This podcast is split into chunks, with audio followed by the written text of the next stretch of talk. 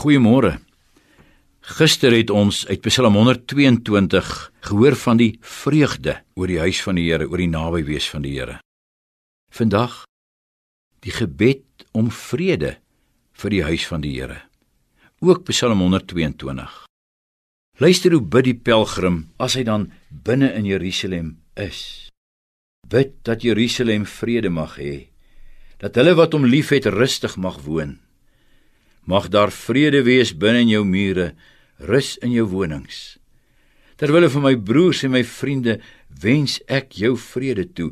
Terwille van die huis van die Here onsse God bid ek dat dit met jou goed sal gaan. Kyk, ons almal begeer tog vrede. Ons bid vir vrede. Vrede in ons land, in ons stede en dorpe. Daar's soveel geweld, soveel onrus. Kom ons bid ook opnuut ook vandag vir vrede dat ons 'n rustige lewe kan lei sonder vrees. Kom ons kyk ook hoekom die digter bid vir die vrede van Jerusalem.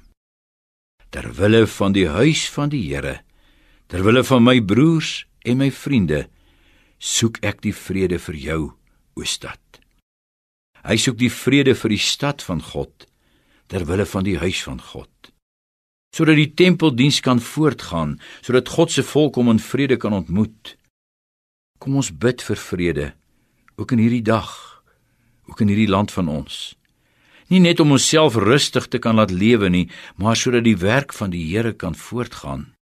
Sodat mense hom ongehinderd kan dien, sy woord in rustigheid verkondig kan word, sy gemeente ongehinderd kan vergader laat jou gebed so deel word van die werk van die Here, van die koms van sy koninkryk. Gebed om vrede ter wille van die werk van die Here. Dank die Here dat ons hom nog in vrede kan dien. Onse Vader, ons bid vir u vrede. Vrede in ons land, vrede in die wêreld, die vrede wat Jesus Christus gebring het. Skenk hierdie vrede, Here, dat u werk kan voortgaan dat ons U kan dien. Ons dank U daarvoor om Christus wil. Amen.